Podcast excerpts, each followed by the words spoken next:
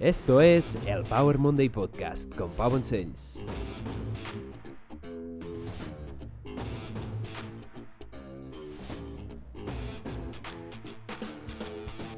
Bienvenidos a Power Monday Podcast, soy Pau, tu apasionado de fitness, nutrición y ciencia y por fin ya ha llegado el Power Monday Podcast, tu dosis semanal de motivación y conocimiento para empezar la semana con fuerzas, ganas y una gran sonrisa.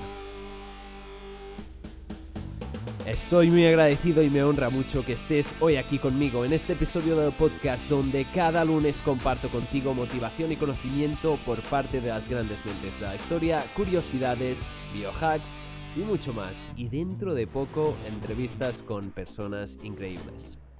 Esta semana te traigo un episodio muy interesante. Te traigo la frase del autor de Atomic Habits, James Clear, y el suplemento más efectivo y más bien estudiado de la historia. Así que vamos a empezar, vamos a empezar con la frase de James Clear.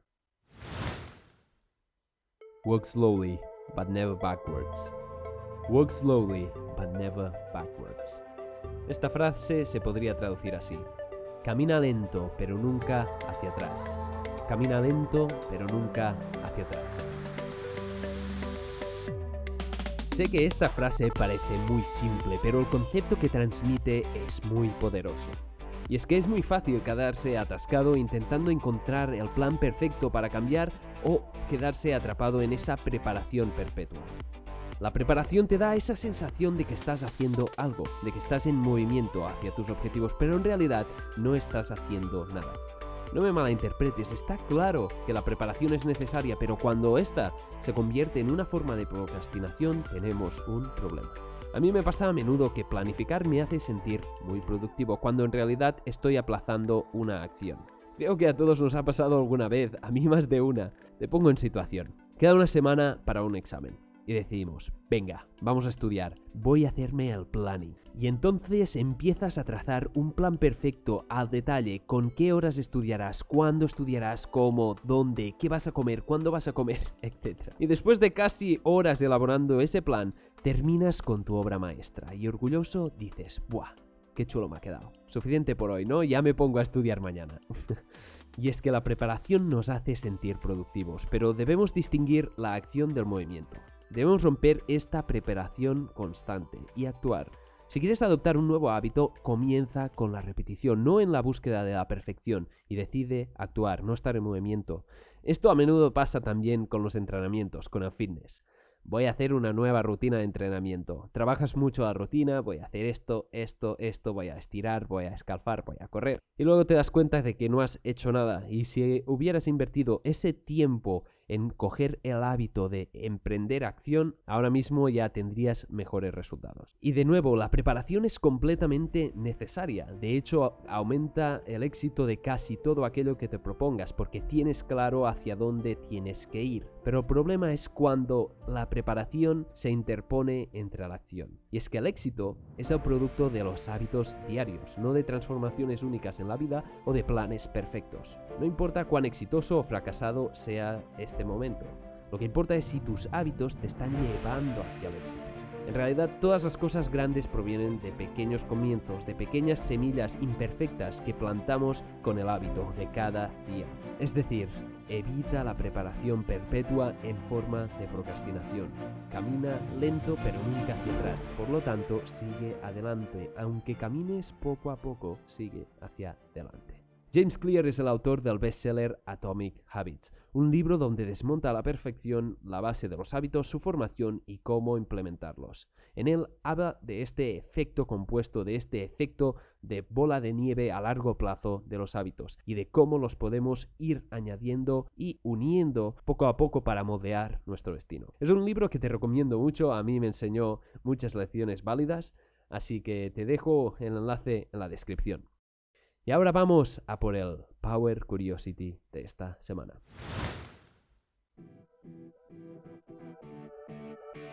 El Power Curiosity de esta semana es un suplemento y es la creatina. La creatina es uno de los suplementos más bien investigados, efectivos, baratos y seguros del momento. Primero vamos a entender qué es la creatina y cuál es su función. Pues bien, la creatina es básicamente un sustrato o combustible energético derivado de tres aminoácidos la metionina, la arginina y la glicina. Y la encontramos principalmente en el músculo esquelético. Por lo tanto, se produce en el cuerpo, sobre todo en el hígado y en menor medida en los riñones y en el páncreas. No es esencial, es decir, podemos sobrevivir sin él ya que lo producimos nosotros, pero externamente nos da beneficios. La creatina actúa guardando grupos fosfato de alta energía en forma de fosfocreatina.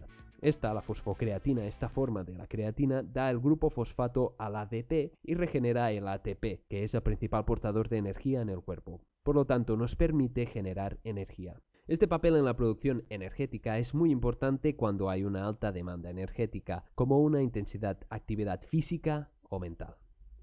Entonces, ¿de qué nos sirve a nosotros la creatina? Pues bien, lo más emocionante es que probablemente no existe ningún otro suplemento que tenga tanta evidencia científica demostrando que eleva la masa muscular magra sabemos de probablemente más de 300 estudios que indican que tomar 5 gramos de creatina a día durante 2-3 meses obtendremos un aumento significativo de la masa muscular y por lo tanto aumentar la masa muscular aumentaremos la fuerza y la resistencia muscular. Además lo increíble es que no ganas peso debido a la creatina ya que podríamos decir que es más bien un sustrato o combustible completamente anabólico por lo tanto, afecta a la masa muscular, pero no a la masa grasa. No se almacena en forma de grasa esta energía, se almacena en el músculo de forma de fosfocreatina. Por otro lado, se ha estudiado, aunque mucho menos, para rendimiento cognitivo y ha demostrado que puede tener beneficios en algunos contextos. Se ha observado una reducción de la fatiga mental en varios escenarios como la actividad mental exigente, la falta de sueño y la lesión cerebral traumática.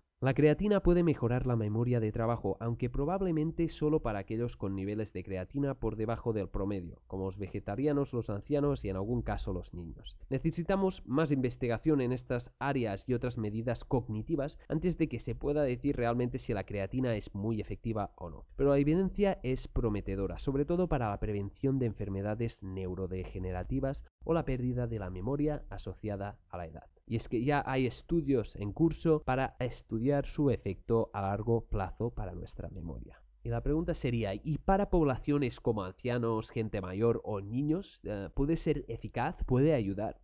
Pues bien, en la edad adulta padecemos una degeneración muscular conocida como sarcopenia, es decir, vamos perdiendo músculo a medida que nos envejecemos. Vemos que la creatina puede ayudar a los ancianos, pero también a los niños, pero los niños ya es más controversial. Y es que hay estudios en deportistas adolescentes en el que vieron que los niños que tomaban creatina tenían un mejor rendimiento físico. Niños con lesiones cerebrales también han demostrado regenerar la mejora de la lesión. Pero la pregunta aquí sería, ¿es seguro tomar creatina? ¿Es seguro para nuestro organismo tomar creatina a largo plazo? Pues la verdad es que sí. Y es que es uno de los suplementos más seguro. Y tú quizás vas a decir, ya Pau, pero esto, si es sintético y así, algún efecto negativo va a tener. Pues bien, ¿cuáles son los efectos secundarios o inconvenientes de la creatina? Pues los principales efectos adversos se deben principalmente a que no se toma adecuadamente. Y es que cuando se toma sin suficiente agua, o se toma demasiado se pueden producir calambres estomacales, diarrea y náuseas. Y esto se debe a que la creatina es una molécula altamente higroscópica, es decir, capta mucho el agua. Y si no le das suficientemente agua, va a captar el agua del organismo. Por lo tanto, ¿es segura la toma de creatina? ¿Es seguro consumir creatina? Pues bien, la mayoría de supuestos peligros de la creatina son infundados. Debido a la mala reputación de las drogas que te mejoran el rendimiento como los esteroides, se equiparó erróneamente con los peores ejemplos. Una cosa que sí que hay que tener en cuenta es que aumenta los niveles de creatinina en el cuerpo, que es un marcador de función renal deficiente. Sin embargo, el aumento de creatinina no se debe al daño renal, sino simplemente a la producción de más creatinina, que es un subproducto de la creatina o un producto derivado de la creatina. Sin embargo, hay una falta de estudios a largo plazo para personas con función renal reducida, por lo que en este caso se debe tomar con precaución. Además de los problemas gastrointestinales, como he dicho, que son menores, por el exceso de creatina es muy poco probable que sea peligroso para la salud a largo plazo y a corto plazo. Entonces, ¿cómo se obtiene la creatina? Pues como estabas comentando, la creatina es un suplemento, pero la creatina también está en el alimento y la creatina se puede encontrar en alimentos como la carne y el pescado, pero en cantidades muy bajas. Para obtener esa dosis estándar de 5 gramos de creatina, deberíamos comer un kilo de carne roja cosa que no es ni práctica, ni sostenible, ni saludable. Por eso la creatina se toma en polvos, los atletas los, los consumen en polvos, que no saben a nada, la verdad, y son completamente neutros. O cápsulas, si queréis. Cabe decir que la creatina no es esencial para nuestro cuerpo. Nuestro cuerpo la produce y para obtener estos beneficios extras hay que tomarla exógenamente. La producción de este suplemento, si lo preguntas, es sintética y se produce a través de la cianamida y el sodio lauril sarcosinato. Pero no nuevamente es completamente segura. En cuanto a suplemento, existen varios tipos. La más utilizada y la más estudiada es la creatina monohidrato o monohidrato de creatina. Existen formas comerciales como el Creapur, que se puede decir que tiene un poco más de efectividad, pero en realidad lo más importante es que sea creatina monohidrato. Podríamos decir que los veganos y vegetarianos se van a beneficiar un poco más de la suplementación de creatina, ya que no la obtienen de ningún modo de forma exógena. Pero como he dicho, la presencia en carne es muy baja, así que tampoco es una diferencia muy significativa, aunque es más recomendable si eres vegano o vegetariano que consumas creatina. Y es que la creatina es un gran suplemento. De hecho, la Sociedad Internacional de Deportes y Nutrición se posicionó en su paper el 2017 proclamando que, además de la mejor atlética y del ejercicio, la investigación ha demostrado que la suplementación con creatina puede mejorar la recuperación después del ejercicio, la prevención de lesiones, la termorregulación, la rehabilitación y la conmoción cerebral y o la neuroprotección de la médula espinal. ¡Wow! Pero además también concluyeron. Se han estudiado una serie de aplicaciones clínicas de la suplementación con creatina que involucran enfermedades neurodegenerativas, diabetes, osteoartritis, fibromialgia, envejecimiento, isquemia cerebral y cardíaca, depresión adolescente y embarazo. Además, con estos estudios se demuestra que la suplementación a corto y a largo plazo tomando hasta 30 gramos al día durante 5 años, es segura y bien tolerada en individuos sanos y en una serie de poblaciones de pacientes que van desde bebés hasta ancianos. Por lo tanto, la creatina es un suplemento muy seguro y versátil. Y ahora quizás vas a decir, vale, Pau, muy bien, me parece que la creatina es un buen suplemento, ¿eh? me lo has vendido muy bien, no es que te lo venda, es solo una curiosidad, una recomendación. Quizás te preguntes cómo lo debo tomar. Pues bien, para la población en general, a largo plazo lo más recomendado es de 3 a 6 gramos al día, variando en función del peso y el objetivo físico. Esta es una dosis de mantenimiento efectiva que se recomienda para la población en general. Si eres un deportista y no has tomado creatina anteriormente, se recomienda hacer una fase de carga, que son unos 10-20 gramos al día durante una semana, pero la mayoría de la población está recomendado esa dosis de 5 gramos al día. Resumiendo, teniendo en cuenta la eficacia, la seguridad y el costo de la creatina, se encuentra entre las apuestas de los suplementos más seguras del mercado. En la descripción te dejo el enlace a los estudios y a los productos que yo recomiendo. Hay distintas creatinas y yo te dejo el enlace en la descripción. Y esto es todo por Power Curiosity de la semana.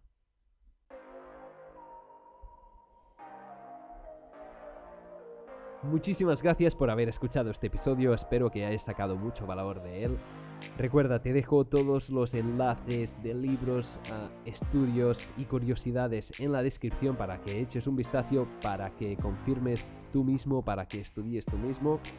Y si te ha gustado, compártelo, déjame algún comentario, déjame algún me gusta, suscríbete, envíame alguna pregunta, las voy a responder todas y te deseo una gran semana llena de crecimiento y motivación. Y recuerda, camina lento pero nunca hacia atrás y la creatina es un buen suplemento. Nos vemos en el próximo episodio.